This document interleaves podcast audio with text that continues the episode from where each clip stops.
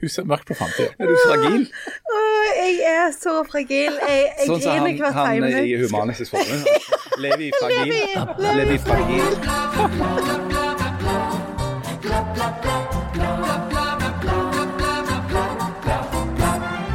Når vi først skulle bli superrike på å ødelegge klimaet, så var vel 50-åringen starten en ganske god idé, var det ikke det? Ja. Ellers Jeg har vært på folkefest, mens de tre andre her kun går på sånne fisefine diktstevner med sånne bitte små skjever med tannpirkere. Hva er det som feiler dere? Folkefest, folkefest, folkefest.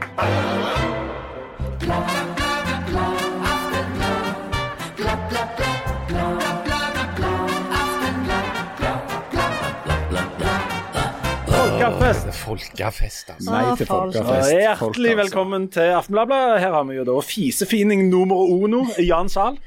Helvete er andre folk. Det er et sitat av hvem?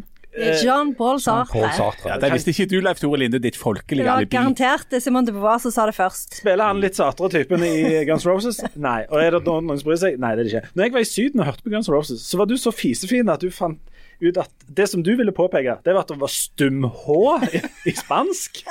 Ja, det heter Det er ikke, det H i heter ikke, spansk.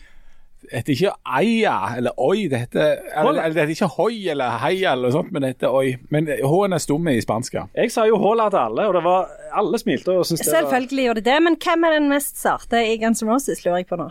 Det er vel han Jean Paul som dere nevnte. Nei, jeg tror det er han Duff. Jeg tror det er en han Slash. For han, han malte hjemme seg bare sånne store solbriller og, og liksom Og da har Jeg tror da- han, han bærer på han mye bagasje. Ja. Da, jeg, da faktisk. fise, Fisefining nummer to her er da Arald Irku... Nei, blir det Arald Irkevold? Birke? B-en er jo ikke stumme. Men V uttales B. Det er litt forvirrende i Ja, spansk. hvordan blir Harald Birkevold på spansk? Arald Birkevold. Birkeboll. Ja, Birkebold, faktisk, ja. For V-en er B. Men, men ja, hei. Hei, alle sammen. Det er meg. Hola! Og så har vi da tredje fisefinning, gjerne Stigen Drangs Ølt. Eller Det som er komplisert på spansk, er at de ikke kan si bokstavene ST uten å legge en E framfor. Altså, Vi sier jo Spania, men de sier jo Espania. Og det har de overført til alt sånn at det her ville blitt Janne Estigen Drangs. Så det, det de egentlig har gjort, det er å sette talefeil inn i et slags system. Ja, ja, ja. Men hvorfor har de alle bokstavene, da, hvis de ikke skal uttale dem? Du som er så fin, fisefin på ting. Nei, det er ikke jeg som er professor i lingvistikk. Nei, det er jo ikke jeg heller. Vent Det er ingen, faktisk vent, ingen av oss. litt, bortsett fra at du er det. Er ikke det sånn logistikk og sånt du holder på med? Tre år and you still don't know. Har ikke peiling. Men du, du Janne, du, må, du, du uh, meldte jo fravær sist. Fordi at du skulle på sånn fisefint uh, stevne av noe slag. Uh, hvor var det du var hen? Ja, forrige uke så var jeg jo eh, På fisefint Da var jeg jo i Oslo. Ja. Ja, var du ikke på Lillehammer òg? Jo, jeg var òg på Lillehammer.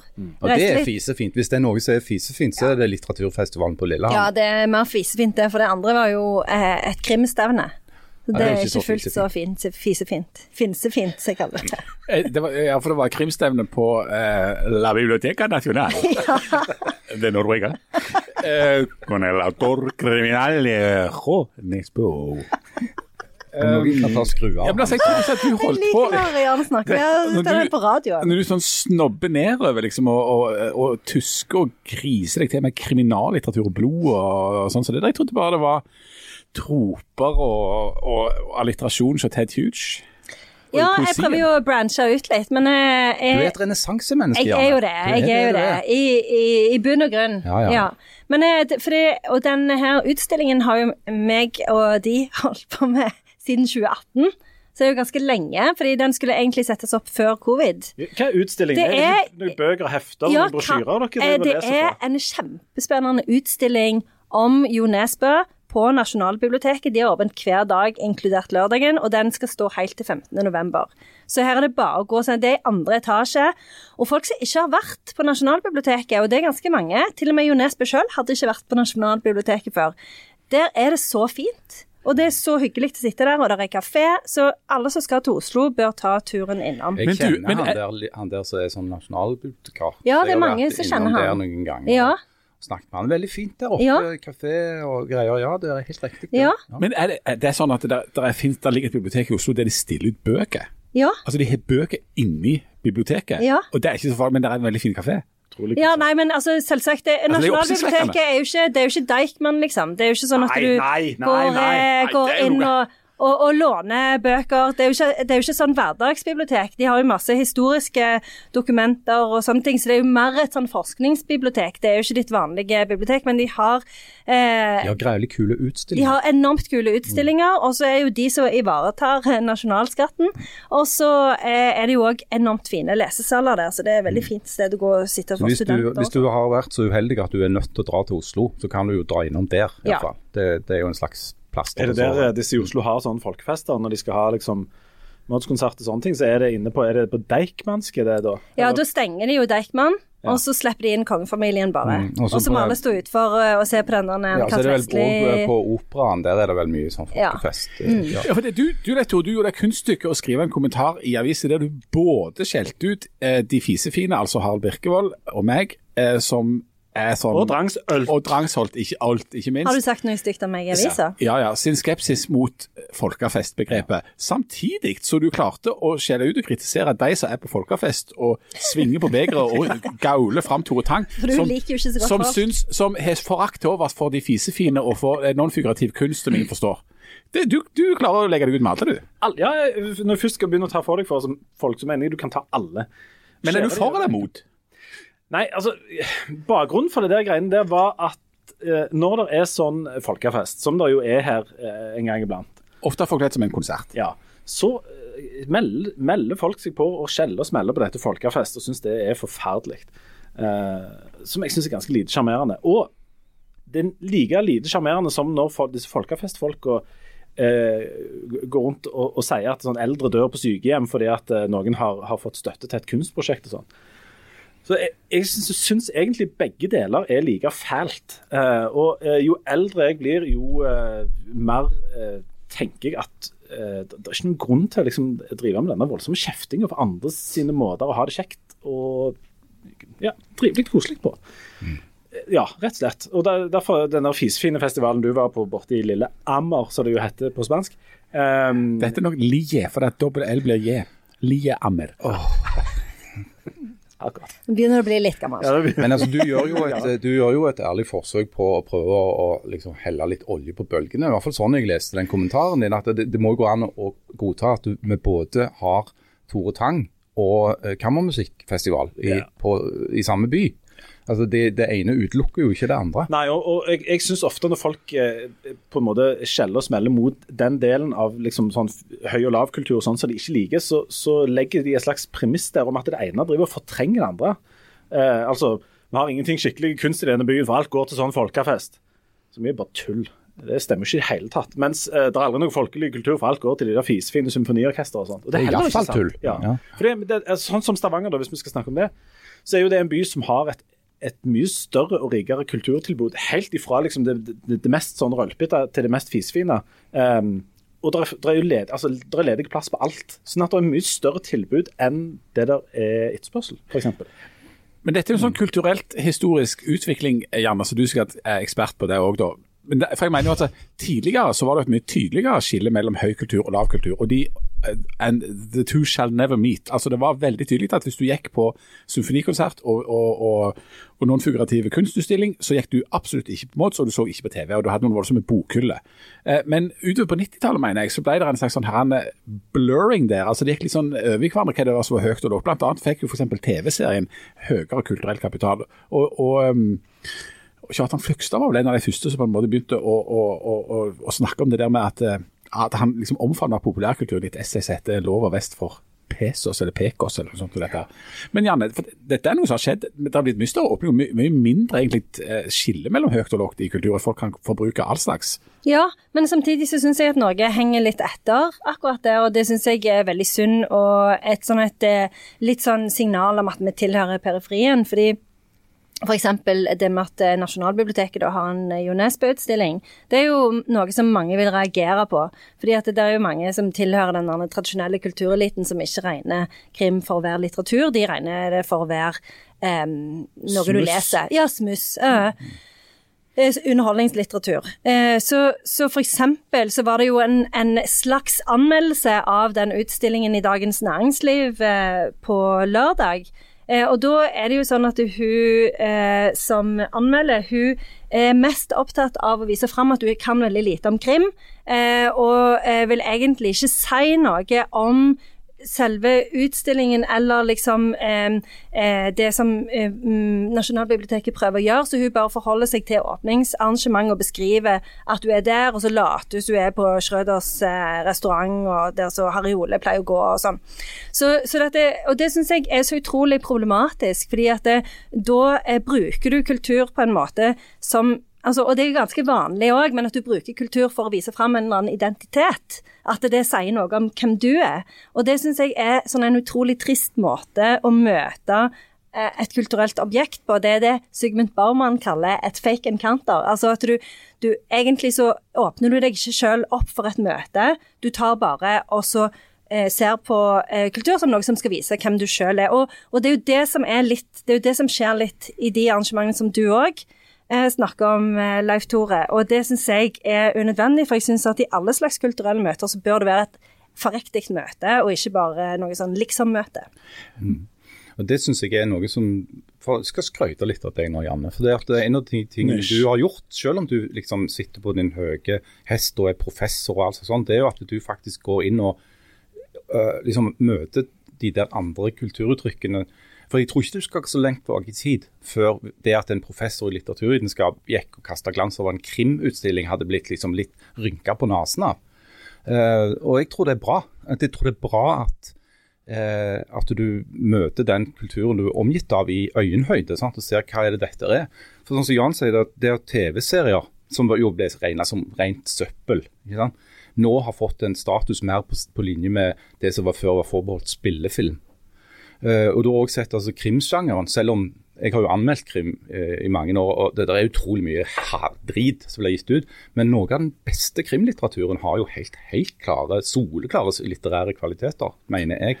Men før dere to får dere et rom um, bare, Når du da er professor i litteratur, eh, britisk litteratur oppe på universitetet, Underviser du da i disse andre sjangrene, eller er det sånn at der vedlikeholder dere det kulturelitistiske og, og, det er bare lyrikk og Ted Huge, eller har du eh, britisk krim på pensum? Det det er, jo ikke så lenge siden f.eks. science fiction-litteratur ikke ble undervist på, på universitetene, og det har jo blitt en endring nå. Mm. Så jeg underviser ikke krim, men jeg underviser gotisk litteratur, og det er jo eh, sett på som forløperen til, til krim. Mm. Eh, så dette indirekte så, så underviser jeg jo krim, og jeg kunne godt Eh, veileder f.eks. Jeg har veileder masteroppgaver om eh, f.eks. serier om seri seriemordere. Så dette, det er ikke noe problem å eh, undersøke krim. Eh, og jeg har jo selv skrevet en artikkel om f.eks. 'Sharp Objects' av Gillian Flynn, som jo er en, en krimroman. Så, så at, jeg syns at det er spennende og viktig å trekke inn eh, alle disse andre sjangerne. Og ikke minst sånn som krimlitteratur, for det er jo en type litteratur som vokste fram samtidig med at moderniteten som periode vokste fram. fordi at den kom jo som et resultat av at folk flytta til byene, og at en dermed fikk mer kriminalitet, og at en dermed fikk et politivesen. Så dette, alt dette Altså, Krimlitteratur er jo en av de sjangrene som faktisk sier ganske mye om hvem vi er, og, og hvordan vi har vokst fram som kultur. da. Så er det jo eh, noen sånne eksempler på sånn etablerte eh, i gåsøgne, fisefine forfattere som har tatt inn element, sånn som f.eks. professor Andersens 'Natt' av Dag Solstad, er jo et, egentlig et krimmysterium utvendig sett. Eller den der 'Hendelser ved vann' av Karin Ekman. Eh, så, eller 'Kniven på strupen' av Fløgstad. Hvor du har et slags susjetter til noe som kunne blitt en krim, men som, som leker litt med den sjangeren. Og Det er egentlig ganske stilig. Og så har faktisk litteraturfestivaler, og jeg har jo måttet gå på ganske mange litteraturarrangement opp igjennom i, i, livet, de har blitt mindre fisefine. Mm. De har blitt eh, mindre fisefine rett og slett fordi at eh, altså Tidligere skulle det være Eh, veldig sånn at det, det, sånn shoegazer-greie. At det sto en sånn eh, en eller annen forfatter der og så på skotuppene sine og leste og mumla fram noe tekst eh, vedkommende hadde skrevet. Men, men selve arrangementet er veldig mye med å åpne opp at det er diskusjoner rundt litteratur istedenfor at det bare er sånn framføring av et eller annet litteratur. Mm. Publikum har jo blitt enormt mye større, og det er jo også en konsekvens av at det er, altså, folk, det er veldig mange oppegående og lesende folk her i verden som liker godt å gå på ting. Altså Kapittel i, i Stavanger har gått ifra å være noe som var for noen veldig veldig få og ganske smalt og ganske sært, til å bli et stort arrangement med liksom 10 000-15 000 besøkende, eh, og ganske åpent arrangement. Og et viktig ord i litteraturfestival, når du snakker om folkefest, er jo fest. Det ligger midt inni der. Det er òg fest Fest. på litteraturfestival. Folkefest. Ja. Folkefest! Folkefest! Men så tenker jeg òg at Jeg leste jo med interesse den der kommentaren som du skrev, Leif Tore. Eh, Med jeg- interesse. Ja, egentlig gjorde Ja, det måtte du. Jeg ble jeg syns det var interessant å tenke gjennom dette. med Men jeg, samtidig så vil jeg jo forbeholde meg retten til å si at det er noen ting jeg ikke liker. Absolutt. Altså, eh, Det må jo være lov å si at Titanofestivalen Titano-festivalen er ikke noe for meg. Nei. Og jeg, jeg er jo Uten at du blir beskyldt for å hate det av den grunn. Du bare liker det ikke. Og jeg, jeg er jo også samtidig en, en svoren tilhenger av å ha eksempel en del kulturtilbud som er forbeholdt noen få. Og Jeg syns det er helt nydelig. For eksempel så har vi jo eh, en hel haug med offentlig ansatte covermusikere som sitter borte i Bjergsted og gnir på, på noen sånne eldgamle feler av, av forskjellige slag. Og sitter og spiller altså De har ikke, de har ikke skrevet en tonemusikk, skriver, spiller bare gammelt ræl. rent coverband. Og der går de, de, de samme 500-700 hver gang, så hører de på dette gamle greiene. Jeg syns det er helt fantastisk at vi har det greiene der. Um, og, det, og det samme gjelder med altså, samtidsdans, eller hva det nå skal være for noe. Jeg synes det er helt det er sånn sivilisasjonstegn at vi har, at vi har sånne ting òg. Det er akkurat så det er kult at det er folk som forsker på veldig rare ting. Ja. Det er òg enormt bra. At det er noen Ted som gjør det. Ja, for eksempel Ted Hvem bryr seg? Er det er to stykker. En i New Zealand og en i Tsjekkia og, Ja. og gjerne Her kjenner du Anne Skei. Men det er et enormt sivilisasjonstrekk. At, Ja. at vi driver og forsker på, på, på rare små ting. For du vet aldri hva som kan være nyttig. Det er så sant. Det er så sant. Men jeg syns det er viktig å liksom ikke stenge seg av før du liksom Altså på forhånd. At du faktisk eh, åpner deg litt opp og så tar det inn. Og mitt hovedpoeng på, på det greiene jeg skrev, var vel egentlig eh, Jeg pleier vanligvis ikke å skrive selve hovedpoenget, pleier bare holde det for meg sjøl.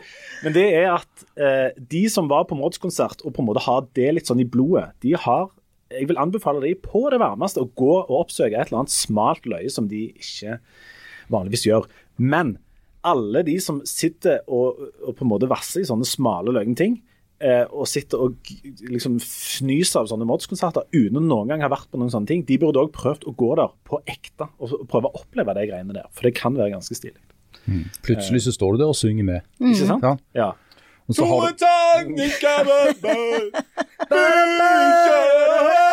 Og så kan du få den, så kan du oppleve sånne ting som å f.eks. gå hjem mens politiet står og skraper folk opp av asfalten. Vi to går alltid alene. Og førstemann blir hevet Altså, dørene åpner fem, førstemann blir hevet ut hvert over. Helt utrolig flott å se på. Av sånne fisefine ting. Nå stenger de da Deich, Deichmanske Hvordan uttaler du det på spansk? El Dejman. El Dejman.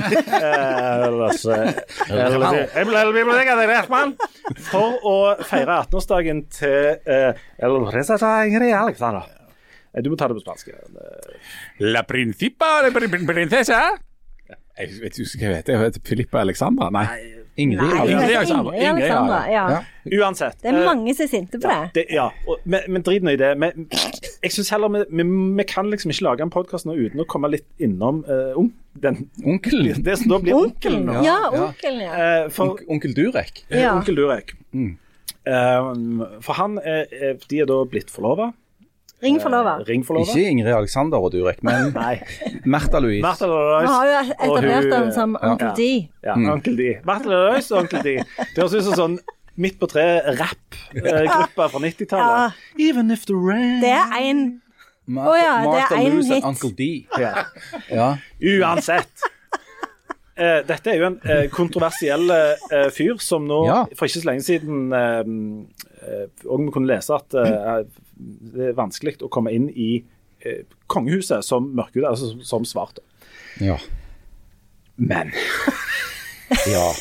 Altså, jeg, hvor skal vi, hvor skal Ja, vi begynne? for det første skal vi begynne. med det. Er, det- er det nødvendigvis fargen på huden hans som er det mest problematiske? Altså, det mener jeg, det, jeg, jeg driter jo ikke hudfargen. Definitivt det minst problematiske. Ja, for det finnes jo andre ting der. Altså, hvis, du, hvis du snakker med hva som er han kan snu atomene, og at han kan eh, kurere kreft, og at han eh, er en Hva er for noe? Han er et reptil fra verdensrommet som befinner seg i en annen dimensjon, eller noe sånt. Men har han sagt at det er reptil? Altså, han, Han representerer en høyere bevissthet. Ja, ok. Mhm. uh, mens vi andre er fanga i The Matrix, som han kaller det da. ja, og Med- det kan jeg skrive under på at jeg er. ja. Så- Så han, da kan han hjelpe deg. Ja. Du kan ta kontakt. Det koster 20 000 Ja, kroner for en time. jeg vil gjerne ha hjelp til det Det er bare 15 000 kroner hvis du bare tar det på Teams. Ja. Men du men, men hvis, du, hvis du får det, da, den første altså Han er jo definitivt og Han er jo ikke den første farga personen som kommer inn i et europeisk kongehus. Det har det jo skjedd eh, flere andre plasser. Men det er den første da, Meghan Markle, for ja, eksempel. Meghan Markle, for eksempel. Sant?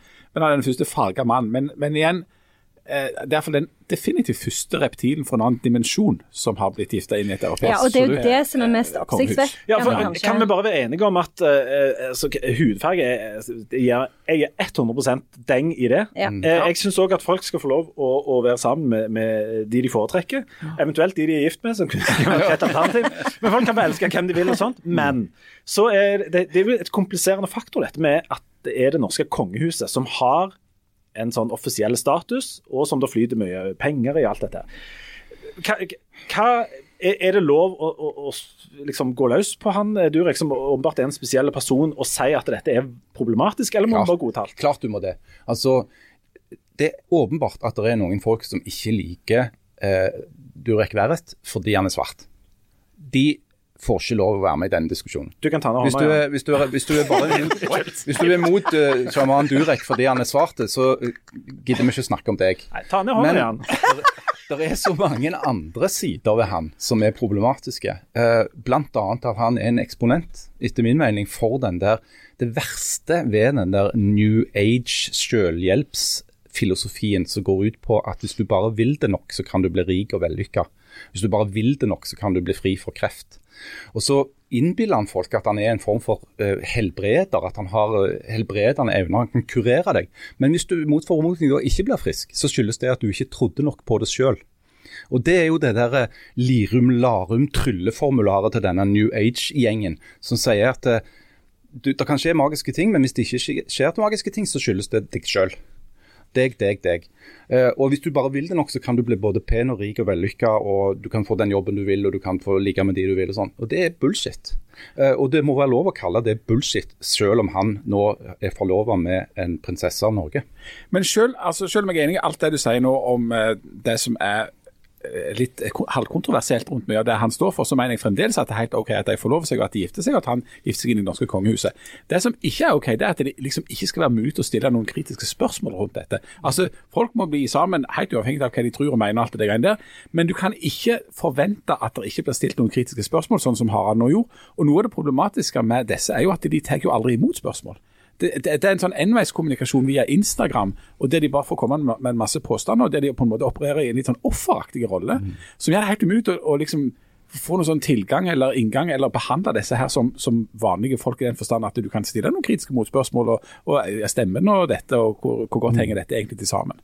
Og det, jeg tror også at det, Hvis vi husker tilbake på når, når Märtha Louise først forlova seg og så gifta seg med Ari Behn, så var jo ikke Ari Behn heller noen A4-person, for å si det forsiktig. Han, han, det var mange sider ved han som var verdt å debattere, og det ble jo vitterlig òg gjort. Men det viste seg jo òg at Ari Behn han tilpasset seg jo den rollen lenge. Eh, på en ganske bra måte. Altså det, det vokste sammen. Eh, og jeg håper jo inderlig at, at uh, Märtha Louise og, og sjaman Durek finner ut av det med hverandre og får, får det bra. Jeg unner dem jo selvfølgelig det. Men, men det blir jo helt feil hvis vi ikke skulle kunne diskutere de problematiske sidene ved det han står for. For det er, jo, det er jo vakkert når to reptiler finner hverandre. ja. Men er, de, er det etablert at begge to er reptiler? Er hun òg en det? jeg så en sånn kjempelang diskusjon på fordi at det var noen som hadde omtalt han som en sjøllært eh, sjaman. Uh, det, og det var noen som reagerte på dette med at han var sjøllært. De mente han burde i hvert fall ha noe god papir på at han var sjaman, hvis han skulle omtale seg som det. Jo, men det er jeg helt enig i. At du har en bachelor eller, Ja. eller kanskje en master i, i sjaman. Ted Hughes driver jo mye uh, på med dette med sjamanisme. Og, og det er jo det er ikke tull, det. det Hadde han jo, papir på det? ja, det går jo Altså, du, du er jo på en måte Du må jo gjennom en slags sånn training. Vi har jo sett eh, Eller i hvert fall Jeg har sett den Dr. Strange-filmen. Det er jo en sånn sjamanistisk eh, utdanning som Men- han driver og tar der i Tibet, Men så eller kan du jo òg spørre deg altså, vi, vi, vi ler jo litt av en som sier at han er en sjaman fra verdensrommet. Sånn. Men samtidig så, så er det et krav, det står i Grunnloven, at den skal, som skal være monark i Norge, må være medlem av Den norske kirke. Hvor de tror det er en usynlig mann i himmelen som bestemmer alt, bare at han gidder ikke gjøre det. Eh, men, det, Kom igjen! ja, men det er liksom greit. Det er en stuerein galskap. Ja, ja. Sant? Uh, Ja, fordi at sånn, Gud men finnes jo. sjamanen sin galskap den er sånn utenfor uh, våre parametere. Nei, men jeg, jeg, jeg tar ikke også ler av sjamanismen, for det er jo en etablert eh, religion i veldig mange kulturer. Og det der med å liksom gå den der døde veien og alt det der, det er jo eh, Men mange he- som denne tror på det. Det er ikke noe galt med det. Jo, det er noe galt med det. Jeg lærer av religion. Ha, ha, ha, ha. I laugh in the face of religion. Men hele, hele denne suppa viser jo eh, sånn i bunn og grunn eh, et litt, litt sånn problematikken rundt det å ha et kongehus. Det er vel det som er problemet. Altså Folk kan gjøre hva de vil, men problemet her er at det er et kongehus som eh, skal gjøre det de vil, samtidig som da Grunnloven har bestemt at de skal gjøre en hel del ting, og de får en hel del penger, og, og det er mye sånn Men du kan jo ende opp det er jo selvfølgelig òg noe du kan problematisere. Altså, Ja, det er det altså, jo, men Märtha Louise har jo sagt fra seg tittelen som kongelig høyhet. Ja? Ja. Men hun beholdt prinsessetittelen. Eh, og du kan jo f.eks. kritisere, som jo har blitt gjort, at du kan jo tenke deg at det går an å bruke tittelen som prinsesse, som jo er en ganske sjelden Det er ikke mange mennesker som kan kalle seg det, som en del av en markedsføring av det du driver på med som næringsdrivende. Uh, og det er greit. For, det for øvrig så er det jo ikke lov for kongelige i Norge å drive business. Men Märtha Louise gjør jo vitterlig det med sin engleskole og hva det måtte være. Boksalg osv. Og, så der har du òg noe som det selvfølgelig må være lov å diskutere, uten at det skal bli utlagt som om du liksom hater disse menneskene og vil de vondt. Eller er rasist. en-. Eller er rasist. Altså, du, de har en helt spesiell stilling i kraft av, kraft av at vi holder oss med et monarki. Og da, det, da må de bare ta det, altså. Det er jo selvsagt en no-brainer at vi ikke burde hatt et monarki, men det, det, det er liksom sånn no-brainer at det det er nesten ikke er verdt å diskutere. Ja, det er kjempepopulært, men det er no-brainer at vi ikke burde hatt det. Det er jo helt klin kokos. Ja, det er skikkelig anakronisme. Men tenk på alternativet hvis vi skulle drive og velge en president. Sånn? Nå er jo Kåre Willoch død, så hvem skulle det da vært? liksom? Hallo, Erna Solberg. Hun kunne jo bare vært president hele tida. Det, altså, nei, nei, det, er jo, altså. det, er jo to, det er kun to kandidater til president i Norge, og det er Aksel Lund Svindal og eh, kronprins Håkon, som jo mer eller mindre er samme person. Ja, det er det. Ja, om de er faktisk samme person. Har dere, okay, har dere sett Aksel Lund Svindal og kronprins Håkon i samme rom noen gang? Nei. Nei. Og Noen ganger så kan du se sånn ja, Der renner en, en fyr ned på ski og får gullmedalje. Sånn. og så, ti minutter etterpå, et bilde av kronprins Haakon angivelig på tribunen. Hvorfor går det alltid ti minutter Ja, mellom de? Herlighet. Alt faller på plass nå. Sånn, så, og, og jeg syns kronprins Haakon var kjempegod når han ledet det der Mesternes mester, og gjennomførte det. Å, ja, ja, ja, ja. Han er gyselig sterk i beina, eller hva det Ja, han har kjempa seg tilbake fra skader. Ja. Men litt sånn slapp diksjon på konsonantene. Ja, men. At det går flyter litt over hverandre av og til. Litt grann. Det, det, det, Ja. Nå fikk jeg noe å tenke Ja, på. sant. Ja. Har du sittet i samme rom noen gang? Nei, ingen har det. Nei. Jeg, har sitt, jeg har vært i samme rom og snakket med kompis Håkon. Så jeg Aksel Lund Svindal der? Nei. Mm. Jeg sier ikke mer om det. Ja, Vi må si mye mer, for vi er jo ikke ferdig med podkasten. Noe mer må vi finne på. Men jeg tror vi skal ta en, en kort liten pause. Og så skal vi eh, lokke med, med mm, alt ifra litt olje- og Statoil-feiring em, til en nær Janne-opplevelse. Vi har fått en nær Janne-opplevelse. Em, og så har vi jo Jannes helsespalte. Ja, Skal ikke jeg ha tre kjedelige minutter? Jo, og det kan jeg bare opplyse deg om at uh, sist gang du hadde tre kjedelige minutter, så sovna kona mi. Altså faktisk under de tre minuttene. Så de var veldig gode. Veldig bra. veldig bra. Ta en liten pause, så er vi øyeblikk tilbake.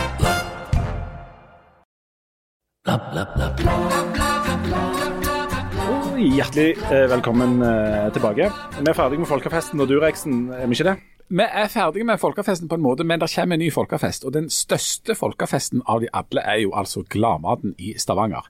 Og det er nå dette med markedsføringsinnsikt og poeng kommer. For på den store folkefesten Gladmaten, der skal vi ha hele to livesendinger på torsdagen og fredagen. Torsdag den 30. juni og fredag den 1. juli. Ja, på ettermiddagen klokka fire. fire. Ja. Eller Ja. Holly, som de ville sagt. ja. Ja. Alas, cuatro horas. Eh, La merke til at jeg ikke sa horas, men Ja, horas. ja, jeg Um, merke til det. klokka fire, og vi skal ha litt gjester, og vi skal eh, holde på. Eh, altså sånt, og Der er det bare å møte opp, og det blir pinlig hvis dere ikke kjenner noen folk. Ja, det blir fint. Men det er gratis. Og Ja, for alle- Aldeles gratis, og det er i et telt, og de har servering. Ja, det går an å drikke gjester, eller alt, det blir, det? eh, det blir sånn middels god stemning, kanskje til og med litt god. Ja, det kan bli kjempegod. Harald eh, vurderer å heilsteike en gris mens vi holder på. Ja, ja, Det er forskjellige ting. Um, så uh, noter dere det. eh, 30. juni og 1. juli, altså. Og nå skal vi hoppe rett over til Jannes helsespalte. Eller Jannes elsespalte, som det vel heter hvis det, med stum H.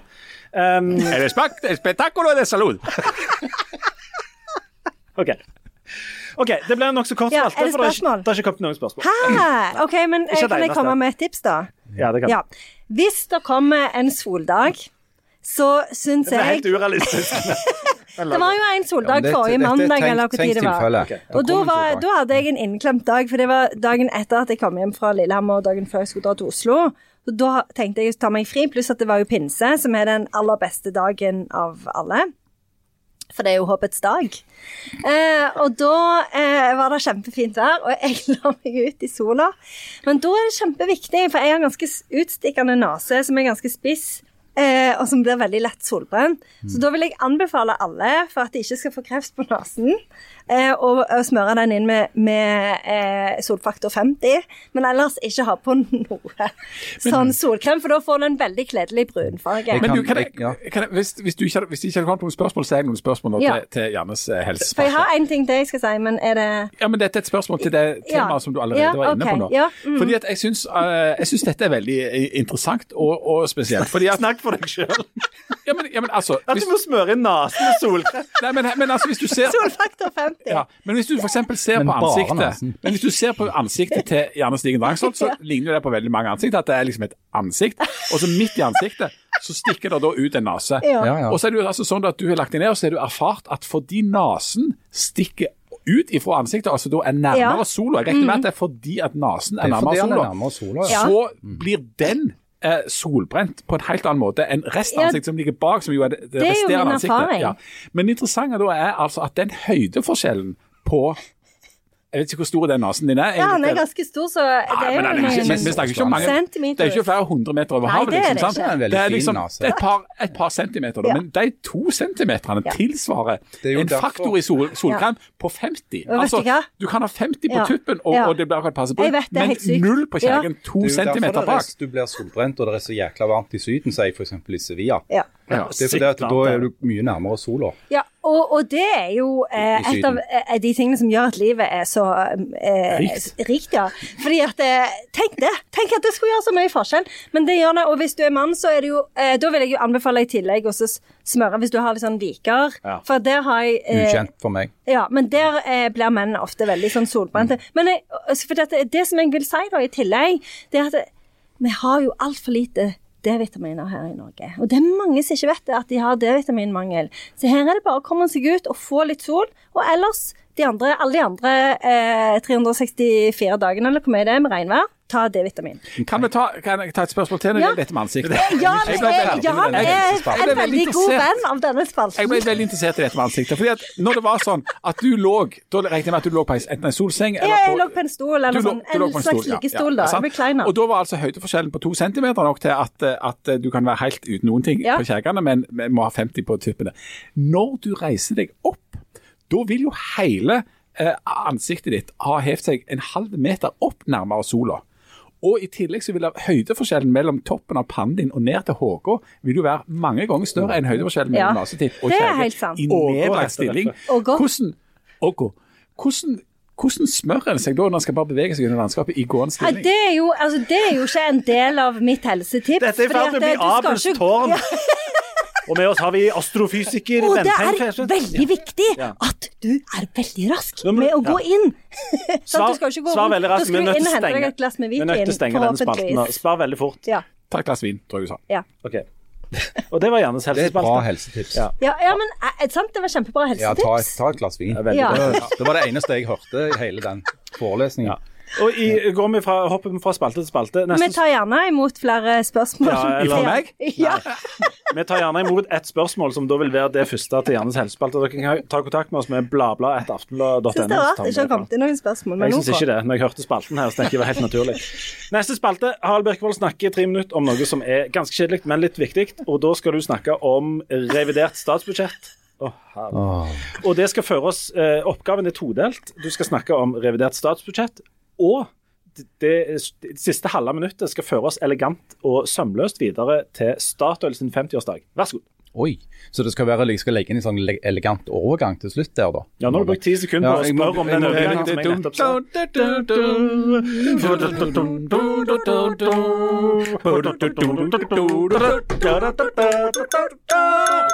Hola! Hola, bienvenidos a tu espalto de espectáculo.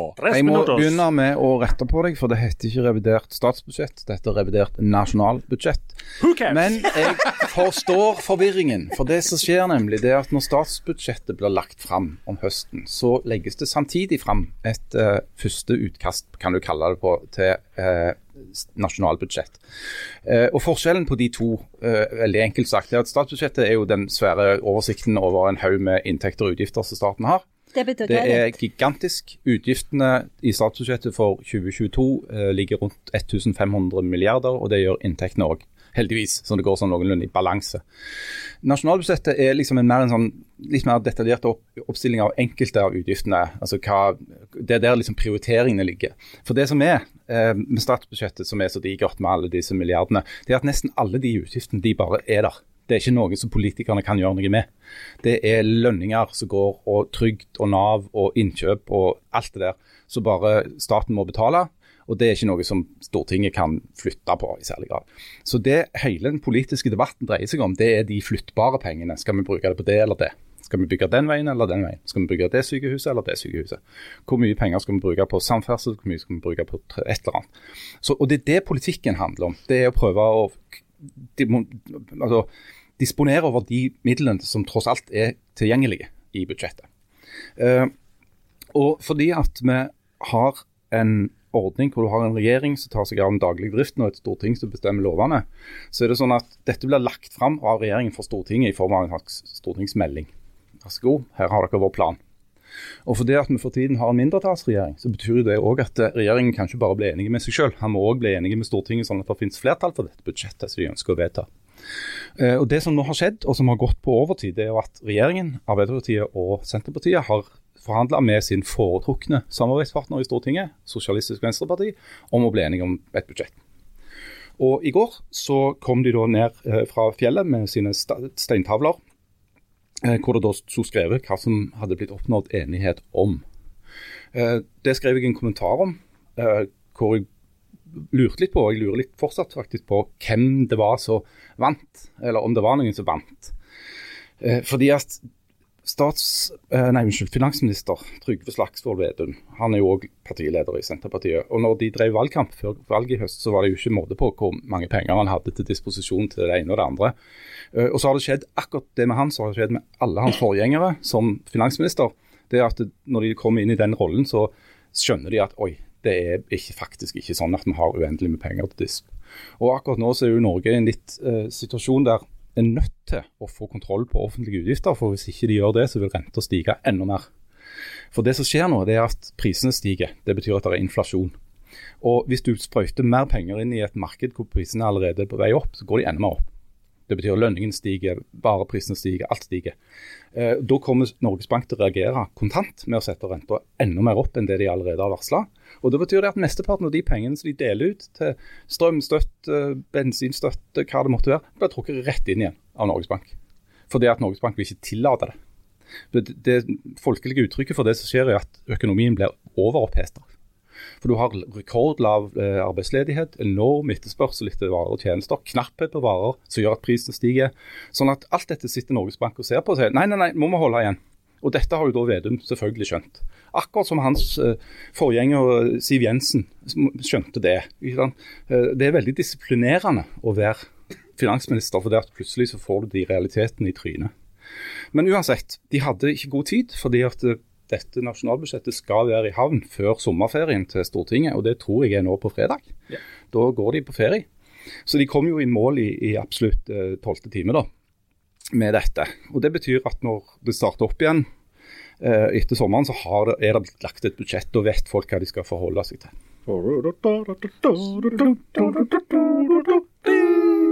Hola. Og den elegante overgangen til Statoil er jo selvfølgelig at på tirsdag så eh, var det da eh, 50-årsjubileum for etableringen av både Statoil og Oljedirektoratet. Og Når vi skal ha noen penger å, å, å sysle med i Norge, så er det jo sånn at uh, Statoil uh, eh, leverer jo da 1,2 milliarder kroner i skatt hver dag. Hver dag. Uh, og hvis du hadde lagt alle de tallene oppå hverandre, det håper jeg at noen gidder å gjøre, eh, nei, de har gjort det òg, så viser det seg altså Statoil, selskapet Statoil, hvor staten i dag eier over 60% av aksjene, bidrar jo med ufattelig mye penger inn til den norske velferdsstaten. Det samme gjør eh, Petoro, altså det statlige selskapet som eier andeler. Eh, og det samme jo, får jo staten inn direkte gjennom at staten også er direkte eier i, i lisenser. Sånn at det går nesten ikke an å overvurdere betydningen av olje- og gassnæringen i norsk økonomi. Det er noen Og- som har lagt det sammen alle de tallene. Altså Ja. Den samla tilførselen som norsk olje- og gassproduksjon har stått for, altså på norsk sokkel fra tidlig på 70-tallet til nå, er på 18 000 milliarder kroner samla tilførsel til bruttonasjonalprodukt i Norge. Og det er penger, det òg. Det er penger, det òg. Og i dag så er jo da eh, oljefondet verdt eh, 11 700 milliarder eh, kroner. Sånn at, og, og det er jo det er, er det, dette som er noe av dilemmaet eller blemma eller det kompliserte for de som nå sitter ved makta. For Norge er jo altså grunnrikt, og det har aldri kommet inn så mye penger eh, fra olje- og gassvirksomhet. Altså det, det strømmer inn med så avsindige mengder penger inn i den norske statskassen nå. Samtidig som folk da opplever at alt blir kanondyrt, og at, de, at det er vanlige folk sin tur til å blø penger, er jo følelsen. Og da er jo det lette sånn, det populistiske, eh, populistiske inngangen på det er jo ja, men når vi tjener så grassat mye penger og vi produserer så mye olje og gass, hvorfor i all verden skal vi ha de nest høyeste bensinprisene for eksempel, i hele verden? Hvorfor skal vi måtte betale så mye når det er så vanvittig mye penger? Og, da, og Det er da en trenger litt sånn forelesning i dette med inflasjon, som, som Harald ganske eh, rett eh, drog nå. altså at Det er ikke bare å pøse inn en drøss med penger, for det at da vil de pengene egentlig bare forsvinne i økt rente og i en masse annet mask. Men selvfølgelig så er det jo en politisk dimensjon og en diskusjon i dette òg. Det er ikke Altså Hvis du spør ti økonomer om effekten av å gjøre det sant? Se, Vi planlegger å gjøre det, hva vil det skje, spør du en økonom. Så vil du sannsynligvis få omtrent ti forskjellige svar. Det er mange som tror at økonomi er en form for naturvitenskap, men det er det ikke. Eh, økonomifaget handler veldig mye om ideologi og hva for noen, hva for noen teoretikere du velger, hva modeller du velger. Eh, sånn at det er en diskusjon om hvor for mye penger kan vi bruke innenlands før det blir et problem. Eh, noen mener at nei, vi må bruke veldig lite penger innenlands fordi vi er en sånn liten økonomi veldig sårbar for sånne initiativer. Andre mener at hvis du hadde tatt penger for eksempel, og isolert de, at vi bruker, nå skal vi bruke masse penger på øh, grønn omstilling i Norge, og øremerke de til det, så, så kunne vi gjort det. Men, men øh, f.eks. Jens Stoltenberg, som jo har tiltenkt jobben som sentralbanksjef inntil det viste seg at han ikke kunne forlate Brussel, han har jo stått for den der skolen at du må være ekstremt forsiktig. Han har vært med og lagd den der såkalte handlingsregelen eh, for hvor mange oljepenger du har lov å bruke innenlands.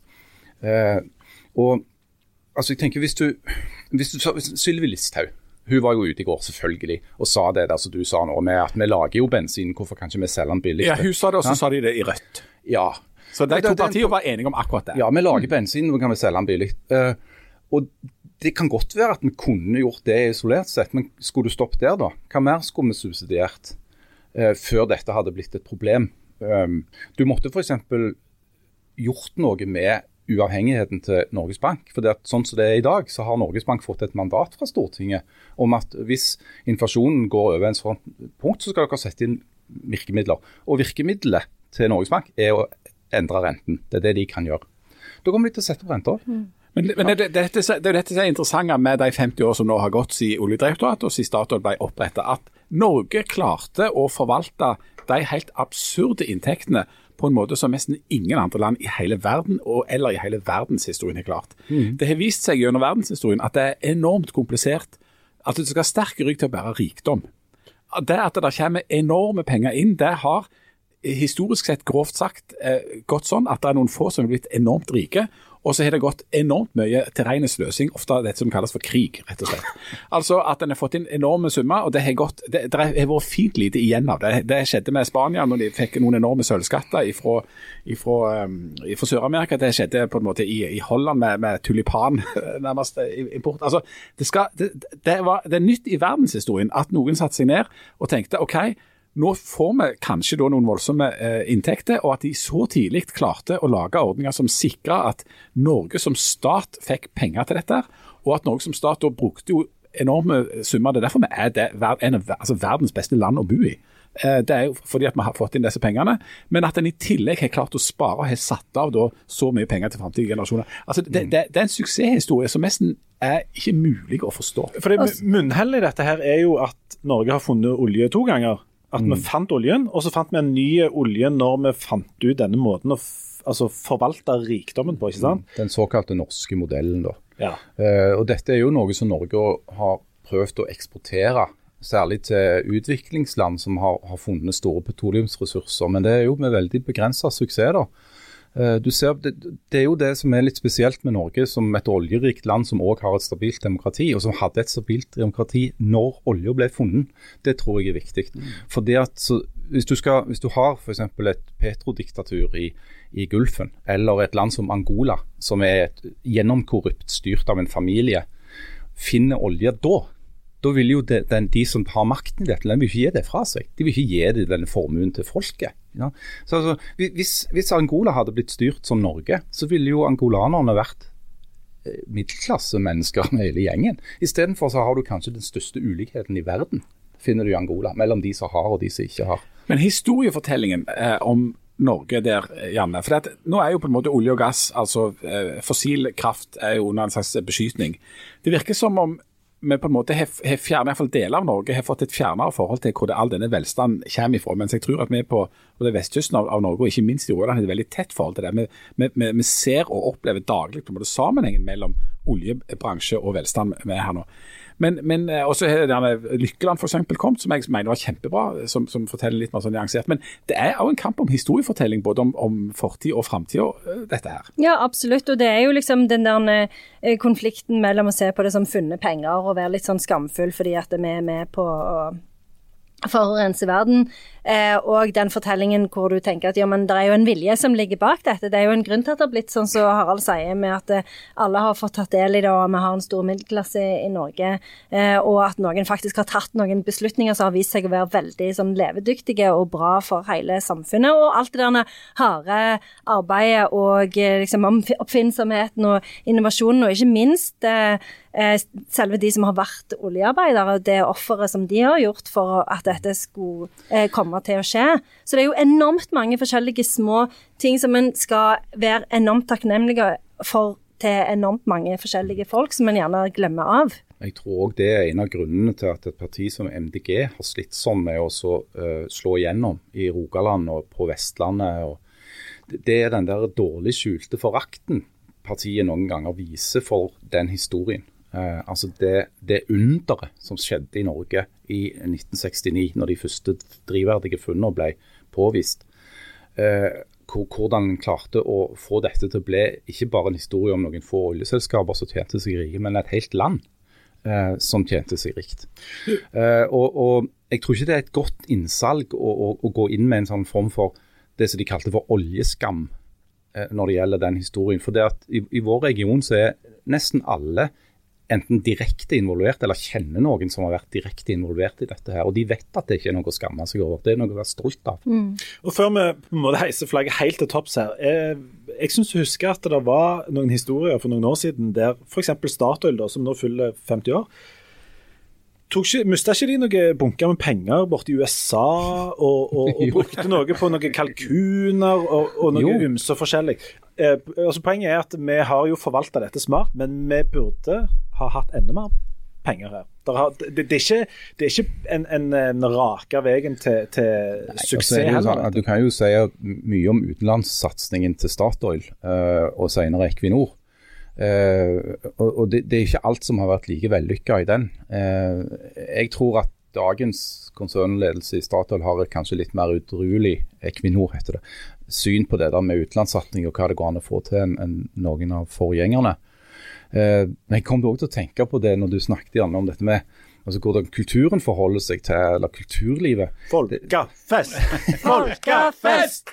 Folkefest! Ja, men jeg, jeg husker jeg histe meg sånn opp når jeg oppdaget at det var, det var artister som ikke ville ta imot stipend fra Statoil, senere Equinor, men ikke hadde noen problemer med å ta imot akkurat de samme pengene når de hadde blitt vaska gjennom systemet til Kulturdepartementet. Jeg tenker Det var grenser for å være dobbeltmoralist. ikke sant? Eh, vi må klare å være realistiske om hvor, hvor er det liksom den, den kapitalen vi har, kommer fra. Eh, så kan kan du godt si at det var noen som f.eks. begrunna det med å si at vi, vi er så kritiske til skiferoljeproduksjonen i USA og Canada, som Equinor har kjøpt seg opp i, at vi derfor takker nei. Det kan jeg forstå. Men også takke nei på generelt grunnlag fordi du ikke vil ha penger fra et oljeselskap. Hallo. Altså Det er der alle pengene kommer fra.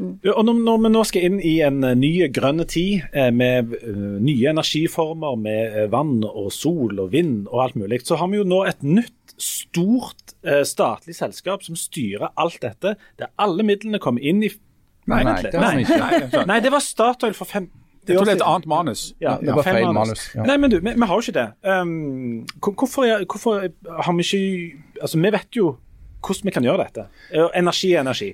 Dette ble diskutert litt i valgkampen. Eh, fordi at f.eks. For den industriplattformen på 50 punkter mener du, det var, som Arbeiderpartiet la fram før valget, inneholdt en punkt og to om muligheten for å se på den typen Ja, såpass, ja, såpass, ja. for jeg husker jeg skrev en kommentar om det, om hvor mange sånne mulighets-se-på-formuleringer det var der. Det var ganske mange.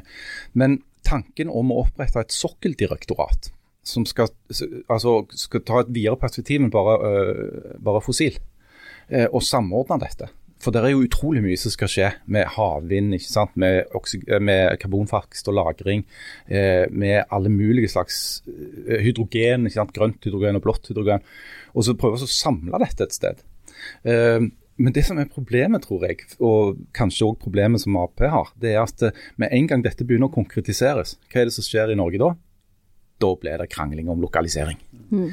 Er det selvsagt at dette skal òg være i Stavanger? Ja! Ja, mener vi. Eller Sandnes. Eh, En, til, en tilsvarende podkast i Bergen jeg vet ikke, de Lager de noen podkaster i Bergen? Jeg har aldri hørt noen. Jeg tror Men, ikke ja, det. ja, men, men, men si at de hadde gjort det, lagt en podkast i Bergen, så ville sikkert de vært skjønt enige om at Bergen var den rette stedet å lokalisere et sånt et direktorat.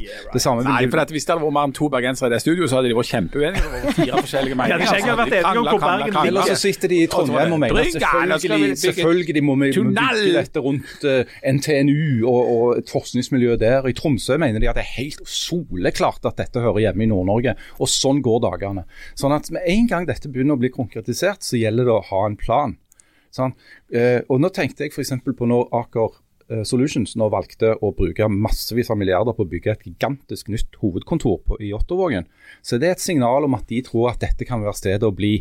For det at Aker skal jo satse enorme penger på å bli et grønt selskap som skal drive med andre ting enn olje og gass. Så tenkte det var et veldig god et veldig godt signal at de velger å bli her. For dette blir veldig viktig der. Altså, å holde på, hvis, nå, hvis Stavanger fortsatt skal være en slags energihovedstad, så må vi få de der funksjonene her til. Og Da er det ganske kult å lese eh, litt oljehistorie og se at det var nesten en håndfull folk som litt med tilfeldigheter og litt med smisk og litt med eh, lureri og sånn uh, bønder på Madla som bare liksom ordnet dette og fikk gjort det. Særlig én bonde fra Madla. Ja, Ja. Um, og, og en eh, Arve Johnsen og en iraner på ferie og litt sånn. Altså, Mm. det, det er ikke Iraker. Iraker, unnskyld. Og det kunne jo fader meg havna på lista. Ja, går over på Farsund, og der har jeg hytta. Ja. Det hadde vært- det hadde ikke likt. Tenk deg tomteprisene Ja. der nede da. Det har vært fryktelig. Men, men, men der er mm, eh, tro, Tror du det er rom for å gjøre sånne ting som på en måte Rettedal og disse eh, Arne. Johnsen og disse Det, gjorde? det er ikke rom for å jobbe sånn lenger. Men det er fortsatt rom for å ordne ting og bli enige om ting. Og, Og, legge ting i Stavanger? ja, og En ting som jeg syns er ganske løfterikt, det er jo at Stavangers ordfører Kari Nessa Nordtun har blitt bedt om å være med og utforme den nye energipolitikken til Arbeiderpartiet og lede det utvalget som skal jobbe fram mot neste landsmøte. Eh, Det er veldig bra å ha en sånn representant inne der. Og det er jo helt nødvendig, for Arbeiderpartiet mangler jo sånne folk i, på Stortinget. som er gode på det. I sentrale posisjoner. Ja, Nå har jo heldigvis Hadia Tajik, som har et ganske lyst hode, eh, blitt satt inn i olje- eller i energikomiteen er og har begynt å lese seg opp på dette. Det tror jeg er bra. Ja, det er veldig bra. Jeg er helt enig. Når hun til slutt vet hvor hun bor, så tror jeg hun kan gjøre eh, store ting. Um, og vi trenger rogalendinger i dette, um, i, i dette systemet.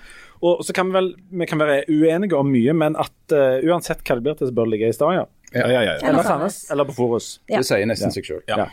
Um, vi skal avslutte uh, i dag med en uh, e-post vi har fått. Oi. Er det, er det kritikk Nei, mot Janne? For jeg er litt Nei. fragil. men det handler om Ja, det er Levi òg, men uh, han går ikke og maser rundt om det. Um, Unnskyld. Jeg bare begynner å lese. Den overskrifta er 'Nær Janne-opplevelse'. Så skriver hun, og dette er på nynorsk, jeg kommer til å lese det på eh, slags samnorsk, tror jeg. Hei, verdens beste podkast. Så det er altså Hallo. oss. Hei, hei. Etter eh, min nær Janne-oppleving, på mange måter På fredag tenkte jeg måtte dele eh, dette med Jeg møtte en kjendisspalte deres. På fredag var jeg på Janne sitt litt fisefine arrangement i Nei, det sto ikke det. På Janne sitt arrangement på Nasjonalbiblioteket. Da jeg skulle inn i lokalet, sto Janne der smilende, men jeg ble starstruck og torde selvfølgelig ikke snakke til henne. Jeg kjøpte meg isteden et glass vin i, i hennes ånd. Det heier jeg Fornuftig. på. Ja. Ja. Satte, og, satt meg ned og storkoste meg med Janne sitt krasjkurs i krim. Etter showet var jeg naturlig nok sliten. ja, Det var jeg òg. Veldig sliten. Lurer Har du skrevet dette selv? For det blir verre, nemlig. Kjære dagbok. Og tusla hjemover. På veien så jeg plutselig ei, ei måke som filledes til en annen fugl. Måka ble jaga vekk, men den andre fuglen, mens den andre fuglen sjangla rundt uten vingekapasitet og hadde åpenbart hatt bedre dager. Rådløs som jeg var, begynte jeg å google hva en skal gjøre med skadde fugler. Det er denne historien. Herlighet. fikk Det er som å lese dagboka Ja. mi. Og hun fikk da flere tips, tips enn hun satte pris på. Tankene gikk til Janne sitt fugledrap i, i barnehagen. Ja. Hadde jeg virkelig i meg å rive en fugl i to med bare nevene? Jeg tåler jo ikke syn av blod. Mens jeg sto på litt trygg avstand og vurderte hvordan jeg skulle gripe det an, kom en jentegjeng forbi og så på fuglen, og ble eh, med bekymra blikk begynte å undersøke både fuglen og mobilene sine. Jeg eh, nytta høvet til å snike meg unna, lette over noen, at oh, noen andre hadde tatt ansvaret, og at jeg slapp å ta den fulle Janne Stigen Drangsholt Experience denne fredagskvelden. Til slutt, takk for en fantastisk podkast. Håper det blir liveshow i Oslo snart. Hjertelig hilsen Ingjerd Lindland Sirdøl i eksil. Hei, Så utrolig hyggelig. Ja. Men jeg kan fortelle at en gang i Oslo så så jeg en skada måke, meg og venninnen min. Eh, og da klarte ikke vi heller å gå videre. Og så drev vi og googla, vi òg. Og da fant vi til slutt noe som heter Måkehjelpen, eller Fuglehjelpen, eller noe sånt. Og de sa at du må kaste et teppe over den, og så kjøre den til oss. Eh, og da Vi hadde jo ikke bil, men vi kasta et teppe over. Du hadde med deg et teppe. med dere. Ja, Jeg gikk inn til og fant et teppe. Og da eh, så var jo egentlig Vi hadde jo mer lyst til å gå på kafé og eh, shopping og sånn. Og kjøpe vin og det. Så vi fikk noen, eh, noen menner til å kjøre den til fullhjelp Fuglehjelpen. for oss. Eh, med teppe og alt. Så jeg anbefaler neste gang å finne noen menner som kan gjøre det. Og Grunnen til at du er, du er berømt for dette med å ta livet av fugler, er jo da for de som ikke visste det, at du i eh, din debutbrosjyre skrev om eh, et drap av en fugl. Ja. Ikke sant? Og jeg kan fortelle det at når du river hodet av en fugl, eh, og bare gjør det hvis de er skik- skikkelig skikkelig skada, eh, så er det ikke så mye blod. Det er mest innvoller. Å ja. Å ja, det var en trøst. Ja. Det var koselig. Det- Men vrir du, eller hvordan Du bare drar. Å ja. Det kommer an på hvor stor Klemme er. til. Jeg hadde egentlig tenkt å knekke, eh, for jeg har jo vært på andejakt med min far, så jeg vet jo sånn cirka hvordan du gjør. Så jeg hadde egentlig tenkt å bare knekke halsen på fuglen. Men så gikk hodet så veldig lett av eh, at eh, det ble det. Ble det Ja. i stedet. Jeg har jo òg lagt ut en video husker jeg, om hvordan du tar livet av en svane. Så den kan dere sjekke opp på Ja. vår Instagram. Ja, Og du er jo nokså glad i å drepe dyr. Jeg er ikke noe glad i det, egentlig, sånn selve drepingen. du tar fri fra jobb for å gå og drepe dyr. ja, ja, ja, jeg tar jo fri fra jobb. Litt kjekt når Ja. du syns det. Men du, er du er jo en veldig omsorg for fugler, for Jeg ser, kramsfugl. jeg ser mer på det som en plikt. Enn en, Men du liker jo sånn, du liker så godt fugler. Du er så kritisk til katter fordi de tar småfugl. Stemmer det. Men jeg lurer på om avtalen vår med fuglene er over nå. For at det, den siste uka så har jeg blitt bæsja på to ganger av en fugl, og jeg syns det er utrolig ufint. Har du det? Ja, Det er Fuglene sagt opp Men, samfunnskontrakt. eh, ja, det er det de har, og jeg lurer på hvorfor. Hva har skjedd? Var dette i Stavanger eller i Oslo? Det var i Sandnes, faktisk. Det var eh, først jeg, jeg jogga, eh, og så i går. Eh, I midt i Langgodt er jeg, er jo veldig bekymra for tida, for det er vel snart hekking, og det er jo et sinnssykt kjør med de der måkene som blir Jeg klarte å mate en hettemåke med hånda i dag. Hæ?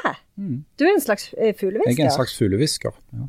Men måkene skal han jo være grei med, for de er jo total Hestemåkene ja, er de er kritisk og- trua. er Kritisk trua. Ja. Men det er veldig stress når de bygger rede rett utfor døra di. Og skriker 'skal ha, skal ha'!